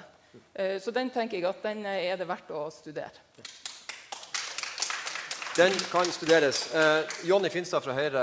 Eh, Pål eh, på de venstre side her, han sier at eh, god eh, eldreomsorg det er at eh, Han går rett til følelsesordet. Det er at de som benytter seg av eldreomsorgen, føler seg trygge. er du enig i den definisjonen? Ja, absolutt. Og de fleste eldre i dag de ønsker jo selvfølgelig å bo lengst mulig hjemme. Så, så langt det er mulig. Men det kommer til et punkt. Og Da må vi gjøre to ting. og Det er jo nettopp det å skape og bygge flere heldøgns omsorgsboliger. Det er jo en del av planen. Men problemet er at man starter egentlig å bygge ned sykehjemsplasser før man har fått på plass det andre. Og Det er jo der vi i Høyre kanskje tenker at vi må ta en fot i bakken. Um, altså det her er vedtaket som han, Pål Krüger refererte Det gikk altså gjennom kommunestyret uten debatt, tror jeg. Lite debatt. Ja, lite debatt. Og jeg tenker at Eldreomsorg i Vestvågøy fortjener en stor eh, debatt eh, og deltakelse fra alle. Eh, så vi er veldig tilhengere i Høyre. Kommer vi til, eh, til makta, så ønsker vi å gjenopprette en sånn helse- og omsorgskomité for å få en, en bedre, altså få helse- og omsorgspolitikere som har kontakt med ansatte, med pårørende, med fagetatene i administrasjonen. Altså organisere oss på samme måte som kommunen er organisert. Men jeg, jeg, så ta tak i eldreomsorgen skikkelig, få, få planer som er gjennomførbare, og så sette sette i gang. Og Det skal jo komme en sak til kommunestyret nå i høst etter jeg forstår, knytta til Vestvågøy sykehjem. Og Da ønsker vi å ta stilling til hva slags omsorg skal vi ha på Vestvågøy sykehjem i fremtiden. og det er det som er på Hva, ja, hva koster det å, og bygge omsorgsboliger? Altså, Vi må ha økonomien i det her òg. Føler du deg trygg på at uh, ingen må flytte fra Gravdal hvis de ikke vil? Eh, Jeg tror jo Anne på hennes ord, så nå har hun sagt det, så da må jeg tro på det. Kan vi ta det som en lovnad fra både høyre- og venstresida her i politikken om at ingen skal flyttes mot sin vilje? Det er jo helt åpenbart. Men, eh, Det er åpenbart, sier Ja, det er helt åpenbart. Er det noen som eh, Da har vi fått rydda opp i det. Jeg tipper det sitter noen pårørende eller beboere og kanskje er letta i forhold til å høre det. Vær så god, MDG. Altså, eh, jeg syns det meste av det som foregår eh, i eldreomsorg, eh, og det gjelder ikke bare Vestvågøy, men det gjelder hele landet, det, det er et trist kapittel. Eh, vi har livskvalitet som et av våre store poenger. og det gjelder også de gamle, de eldre, som trenger omsorg. Eh, I dag er er de i stor grad isolerte. eh, og eh, og når vi, vi holder veldig mye på med integrering av innvandrere. og det er utrolig viktig arbeid. Men hvorfor gjør vi ikke det når det gjelder de eldre? De er på sidelinjen. De bor på sykehjem eh, og eh, får det kanskje ikke som de vil. Så eh, vi ønsker i større grad å kanskje skreddersy og tenke på deres behov. Noen har behov for å bo på sykehjem, og det bør være et godt sykehjem. Eh, det koster hva det koster. Det må være kvalitet, det kan være mindre. Det bør være sosialt i større grad, ikke bare oppbevaring. Noen har eh, behov og ønsker i stor grad å bo hjemme. De bør få lov til det. Nå har vi veldig mye ny teknologi. Andre har andre behov, så vi bør møte dem med det. Eh, og det er utrolig viktig i dag, syns vi. Takk til deg, Reidar Gjelsvik Egeland fra MDG. Ja, eh, Elisabeth eh, Holand, vi eh, må ikke glemme at det her skal også gå som podkast. Elisabeth Holand fra Arbeiderpartiet. ja eh, vi i Arbeiderpartiet vi er vel kanskje mer på linje med Høyre. At vi venter, avventer den saka som skal komme om sykehjemmet. Eh, hva, hvordan bruk skal det være der? Vi har valgt å gå for eh, vedtaket om å flytte de plassene. Men det her handler jo om at vi som politikere må evne å se langt frem. Altså, vi må tenke hvor, eh, hvordan eldreomsorg skal vi ha inn i fremtida. Eh, og eh, vi ser jo for oss at eh, det må bygges eh, sykehjemsplasser. Og det er sånn at Regjeringa har også åpna for de pengene som han Pål nevnte. Men eh, Sortland kommune bygger nå et uh, sykehjem med 32 plasser med fasiliteter både for uh, um, dagsenter og andre ting. Og jeg tror at vi kommer dit. Jeg, jeg vet ikke Nå forsvant nå Frp ut på sidelinja her, men eh, hva ser man egentlig for seg? Ser man for seg de fasilitetene som Vestvågøy sykehjem har? Er det der eh, fremtidas eldre vil være på institusjon? Eller skal vi ta i bruk en institusjon der vi kan ta i bruk velferdsteknologi, der vi kan få eh, helt andre arbeidsforhold for våre ansatte, som vi vet blir krevende kompetanse å få tak i. Jeg tror at vi er nødt til å ta en fot i baken og diskutere hvor skal vi være i fremtida, for våre eldre fortjener faktisk det.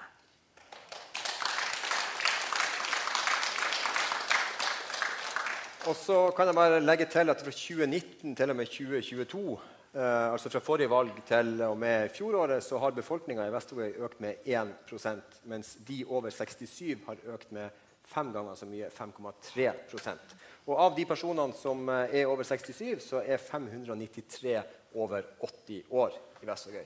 Og det skal eh, Andersen fra Norgesdemokratene. Takk.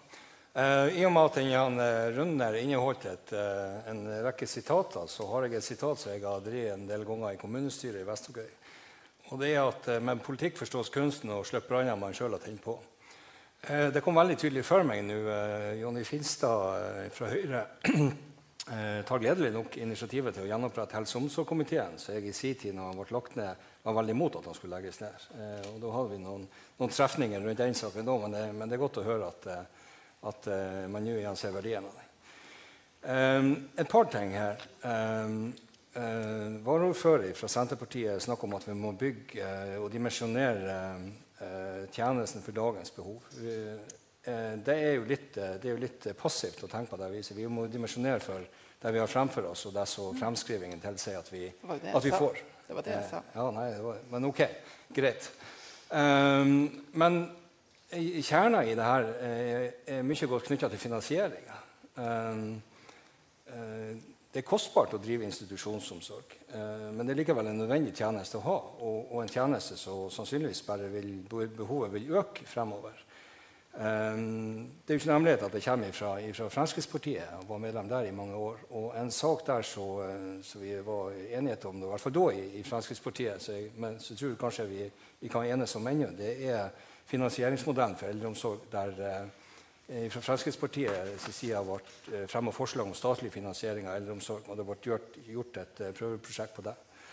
For det er helt åpenbart at det, at det kan ikke være sånn at det er postadressen din som avgjør hva type omsorg du får. Og, til spørsmålet som du innledningsvis stiller her, debattleder, så spurte om hva er god eldreomsorg. Det tenker jeg er veldig subjektivt. Det er vel ingen av oss som står her i panelet som kan gi en endelig definisjon på det. For det er veldig mye ulike behov. Og sannsynligvis vil nok også kravene øke fra de som mottar tjenestene fremover.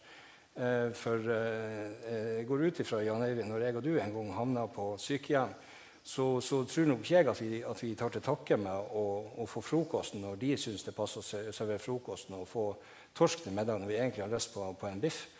Eh, det var kanskje der litt, litt, å dra det litt langt, men, men med, med, at det er nye grupper som kommer inn i eldreomsorgen, så tror jeg også kravene til tjenesten vil, vil, vil endre seg.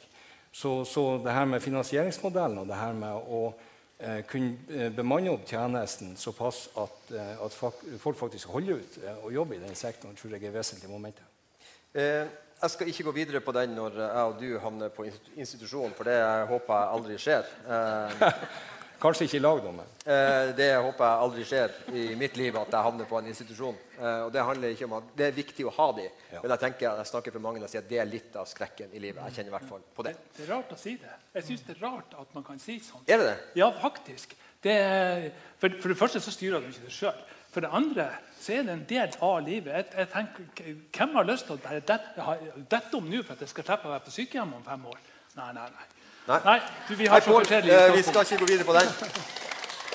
Det er faktisk et liv å være på sykehjem, og det er ikke så traurig og dårlig som, uh, som, det høres ut som. Og det kan gjøres mye bedre enn det i dag òg. Selvfølgelig. Ja. Jeg skal ikke gå lenger uh, på den og bli mer personlig, men jeg jeg, jeg, håper at det skjer med joggeskoen på, Pål, og at det ikke er på et sykehjem. og at det er lenge til. Takk for den delen. Men det man nevnte innledningsvis fra Anne Sand eh, om at man slet med å få ansatte eh, kvalifisert arbeidskraft innenfor eh, eh, helse, omsorg og eldreomsorgen. Eh, jeg har sett litt på hvor mange sysselsatte er det i Vestvågøy kommune. Eh, og det, jeg ser, det, at De siste fire årene det er blitt færre sysselsatte i Vestvågøy kommune. Så noe må ha blitt effektivisert. Eller at man leverer eh, dårligere tjenester. Men man har altså redusert arbeidsstokken totalt med 137. Høres det rett ut, Pål? Nei. Det høres, det høres, rett og slett ikke rett ut. Nei, okay. og, eh, og, og, jeg tror det, altså, statistikk Det er tre typer løgner. Det er svart-hvit og statistikk. Så, så eh, eh, det, kan være, det har noe med heltidsstilling å gjøre. Du må regne ut om eh, hvor mange årsverk vi snakker om. Ja, Men nå er det så fint at vi har noe som heter KOSTRA. Og de gjør alle de her modellene, ja, og de oppdaterer ja, de. Hvor mange ansatte vil du si at det er sysselsatte er det i Vestvågøy kommune totalt? Nei, jeg har ikke tallet på, på strak arm. Da da sier jeg 1247. Og det, det er de offisielle Ja, totalt, ja. KOSTRA-tallene. Ja. Mm. Totalt, ja. Og da holder jeg fast på at KOSTRA forteller meg at det er 137 færre i løpet av de siste, de siste fire årene. Eh, men det som jeg syns er litt rart, for når vi bryter her ned på de ulike eh, skal vi si seksjonsområdene, så er liksom eh, innenfor helse, omsorg, barnevern, sosialtjenester så er det blitt 251 færre totalt sett. Eh, innenfor eh, grunnskole 28 færre de siste fire årene. Innenfor barnehage 14 færre. Tekniske tjenester eh, er på stedet hvil eh, tre flere. Eh, men jeg finner det eneste vekstområdet eller hvor det er blitt flere sysselsatte i Vestvåg kommune de siste fire år, det er innenfor administrasjon, styring og fellesutgifter. Der har man blitt 39 flere. Og hvem av politikerne vil forklare hva som ligger bak dette? Jeg ser på Anne og, og, og Elisabeth. Anne fra Senterpartiet og Elisabeth fra Arbeiderpartiet, som du har sittet med makta i fire år. Hva, hva er det i de tallene her som Eller hva ligger i de her tallene? Flere til å administrere? Færre ansatte? Nei, det kan jeg egentlig ikke svare på. Men jeg vil jo tro at en, eh, en forklaring kan være at man kanskje har gjort om på organis organisasjonen, altså organiseringa. At man dermed i KOSTRA-tallene har fått flere som tilhører administrasjonen, som tidligere har vært andre steder. I KOSTRA-tallene har man gått tilbake, og det er nye modeller som er tatt i bruk, som har gått tilbake, langt tilbake i tid og gjort endringer så det skal være sammenlignbare tall. Så, så jeg finner ikke noe mer sammenlignbart. Jeg finner da- ikke mer som to epler som ligner på hverandre enn akkurat dette. Nei, hvis, det, hvis du sammenligner epler og epler, så, så eh, har jeg ikke noe godt svar. Det, det, altså det, det, eh, tallene høres helt usannsynlige ut. Ikke at administrasjonen har økt, men at eh, innenfor helse at det blir 235 færre. Når du går inn og ser på lønnskostnadene, så har de økt betydelig i hele perioden. År etter år etter år. Så det er ikke, det er ikke mulig. Men uh, du får stå for ditt, og så uh, får jeg heller komme tilbake og uh, gå inn i de KOSTA-tallene og se. Men, eh, men eh, da blir jeg oppriktig overraska. Men du, er- du, du er ikke med på den virkeligheten med at det er blitt flere til å administrere, færre ansatte, og at det har gått ned innenfor helse og omsorg? Ja, men ikke de størrelsesordnene vi snakker om. At det blir 39 flere i eh, muligens i administrasjonen, men at det blir 230 synes du sa, innenfor helse og omsorg i nedgang i antall sysselsatte, det er ikke mulig. Nei, det er, jeg har ikke noe bedre enn KOSTRA-tallene, Jonny. Nei, nei, Ja, nei, og Hvis vi bare stopper litt sånn opp og, og ikke diskuterer tall, og sånn, så er det jo omsorg det handler om. Det handler om omsorg innenfor eh, helse. Og hvis det er en ting, altså Jeg liker ikke helt det mestringsgreia man snakker om. Man skal gi de eldre eh, mulighet til å mestre livet sitt. Vi må snakke mer om omsorg, for det er jo det man trenger når man har behov for omsorg. Og da er det jo ansatte vi trenger. Og når vi vet at uh, det blir en knapphet fremover pga. Jeg liker ikke å bruke ordet eldrebølge, men vi blir stadig flere eldre i Vestvågøy. Og hvordan skal vi da være en attraktiv arbeidsgiver som kan tiltrekke oss de unge som kan jobbe i den sektoren i Vestvågøy fremover? Da kan vi ikke fortsette med å ha brøkstillinger innenfor helse- og omsorgssektoren. Vi kan ikke fortsette å ha underbudsjettering på, på områder som gjør at de ansatte blir sykemeldte, vi må leie inn vikarer. Altså, vi må finne et nivå som er akkurat passelig, som gjør at vi har fornøyde ansatte som vil anbefale andre å begynne i helsesektoren. Så jeg tror der blir viktig å starte arbeidet når at vi får opprette en helse- og omsorgssektor, hvordan vi skal klare å rekruttere fremtidens helsearbeidere i Vestvågøy.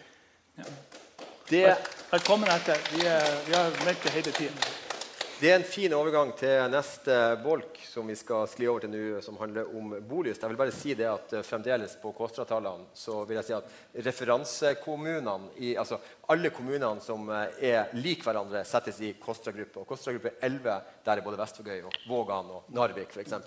Og eh, de referansegrupper totalt sett har en annen utvikling enn det Vestvågøy har. Ok? Jeg skal skrive en artikkel om det. Det kommer artikkel i uh, Lofoposten om det. Det ser vi fram til. Uh, da går vi over til det som du sparka opp her nå, uh, Jonny. Eh, og det er jo dette med Hvordan skal Vestvågøy kommune bli attraktiv? Hvordan skal man få flere til å eh, ville bo her?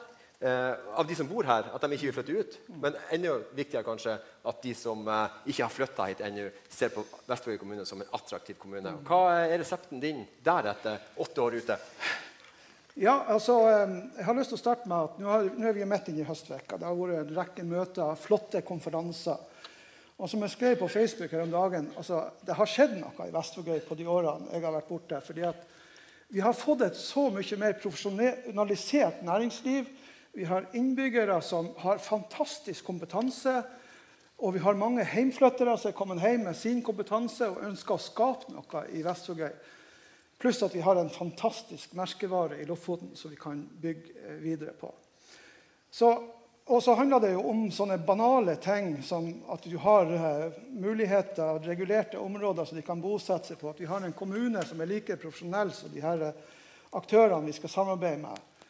Uh, og at vi har moderne nettsider altså, Det er så mange sånn småting som må dra i samme retning. Mm. Men ikke minst det, vi er som politikere her nå tenker hvordan skal Vestvågøy være attraktiv som eh, arbeidsgiver. Og Der eh, er jeg usikker på om vi er der vi ønsker å være. Det er mange små ting, men jeg skal styre debatten inn på ett spor. og det er jo eh, De som skal bo her, de må jo ha en plass å bo.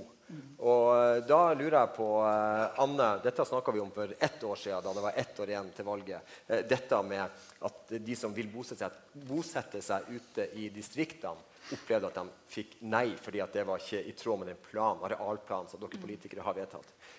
hva er status der? Du sa til oss for ett år siden at nå skulle man i gang å rullere den planen. Hva har skjedd siden da? Vi er jo ikke kommet i gang med arealplan.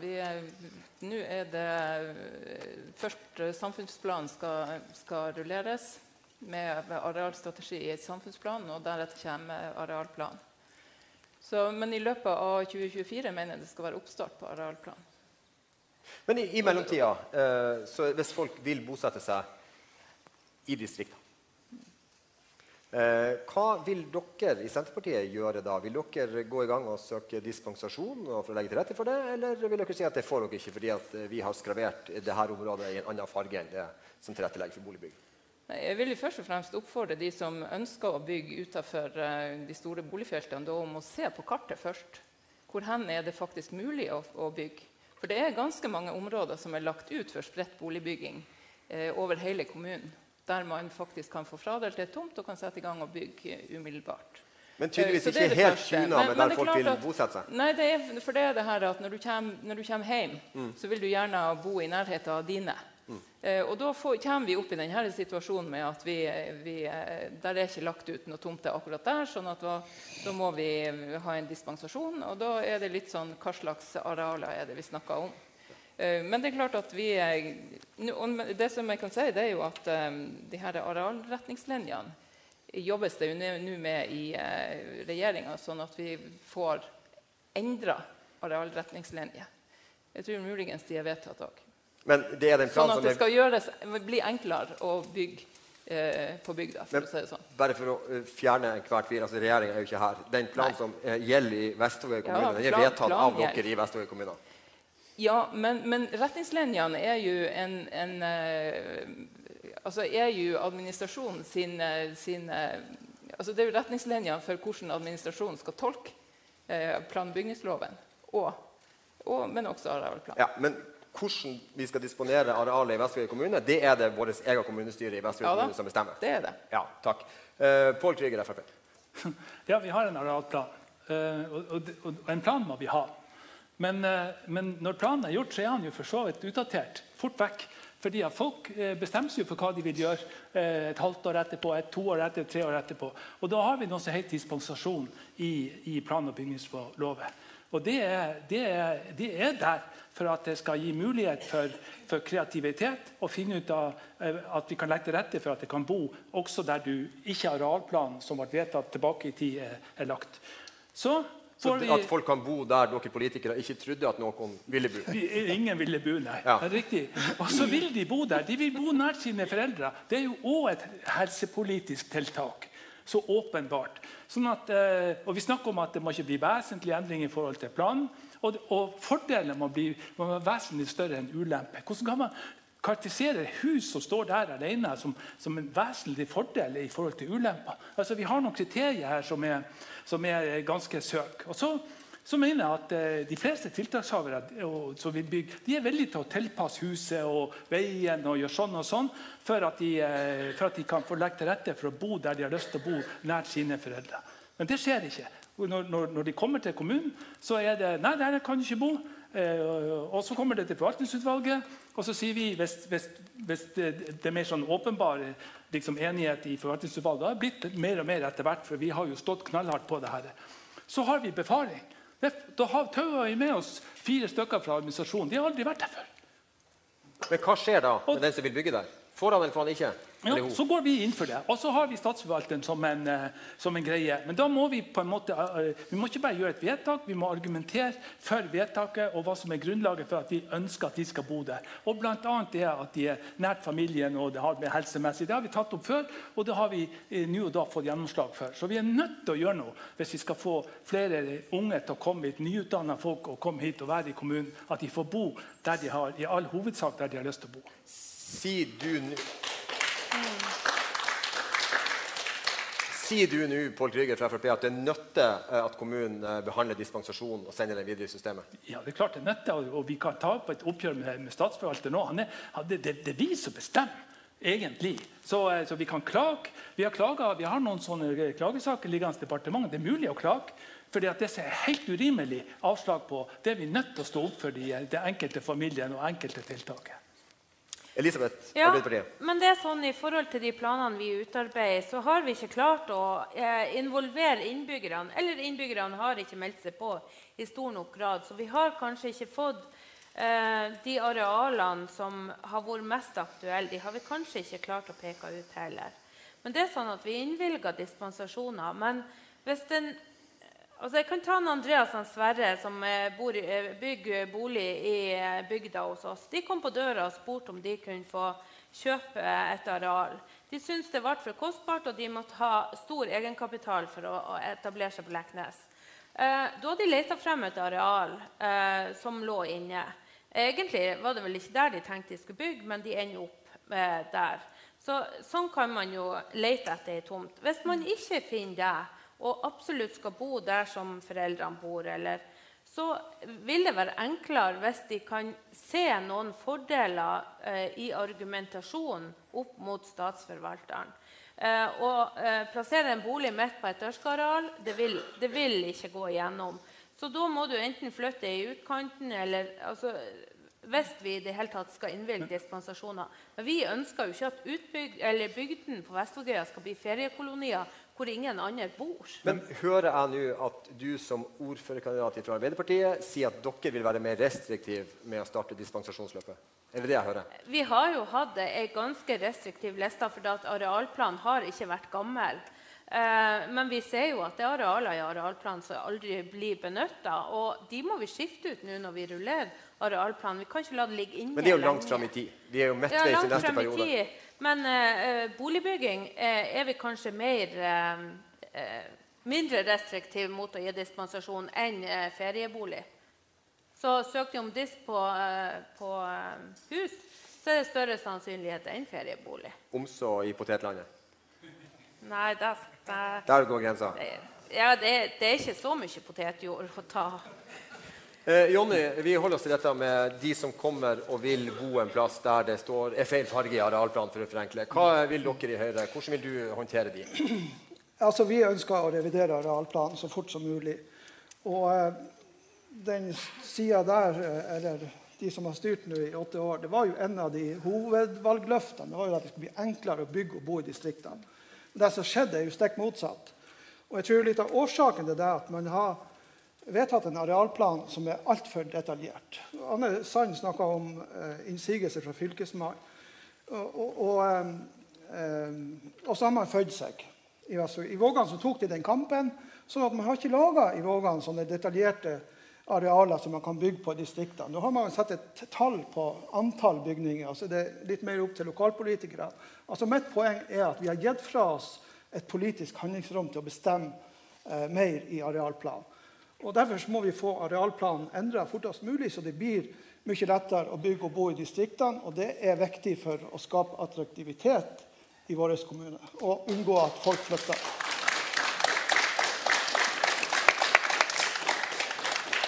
Men så må vi legge til at fortest mulig, det er en stor jobb. Det er mange som skal høres. Det er en prosess som er veldig regulert, så det er ikke fort gjort å endre den. Så vi har en, en mellomperiode her. Som, og da blir spørsmålet, Anne, ja eller nei til dispensasjonsløpet? Senterpartiet? Jo, det er klart. Dersom det er, er store fordeler med å innvilge en dispensasjon, så skal vi selvfølgelig gjøre det. Eh, vi er, vi er, er jo ikke tverr. Det er jo ikke det det går på. Eh, men det er jo noen, det er jo noen, noen Eh, kriterier man må se på som, som, ikke, som dyrka jord, f.eks. Ja. Takk takker for alle oppklaringene vi får. Eh, Pål, vi har vel hørt at du vil kjøre dispensasjonsløpet? for det mener ja, ja, jeg er liberal i den henseende. Veldig. Og det er egentlig derfor en av hovedgrunnene for at jeg er Frp òg. Det er at vi har en mer liberal holdning til at folk skal få lov i størst mulig grad. Hvis du, hvis du Poenget er at du skal kunne si ja. Du skal ikke argumentere det fra et nei til et ja. Du skal i utgangspunktet få ja, og så skal det være helt ekstraordinær hvis du skal få nei. Sånn er det, sånn er tenkt vi.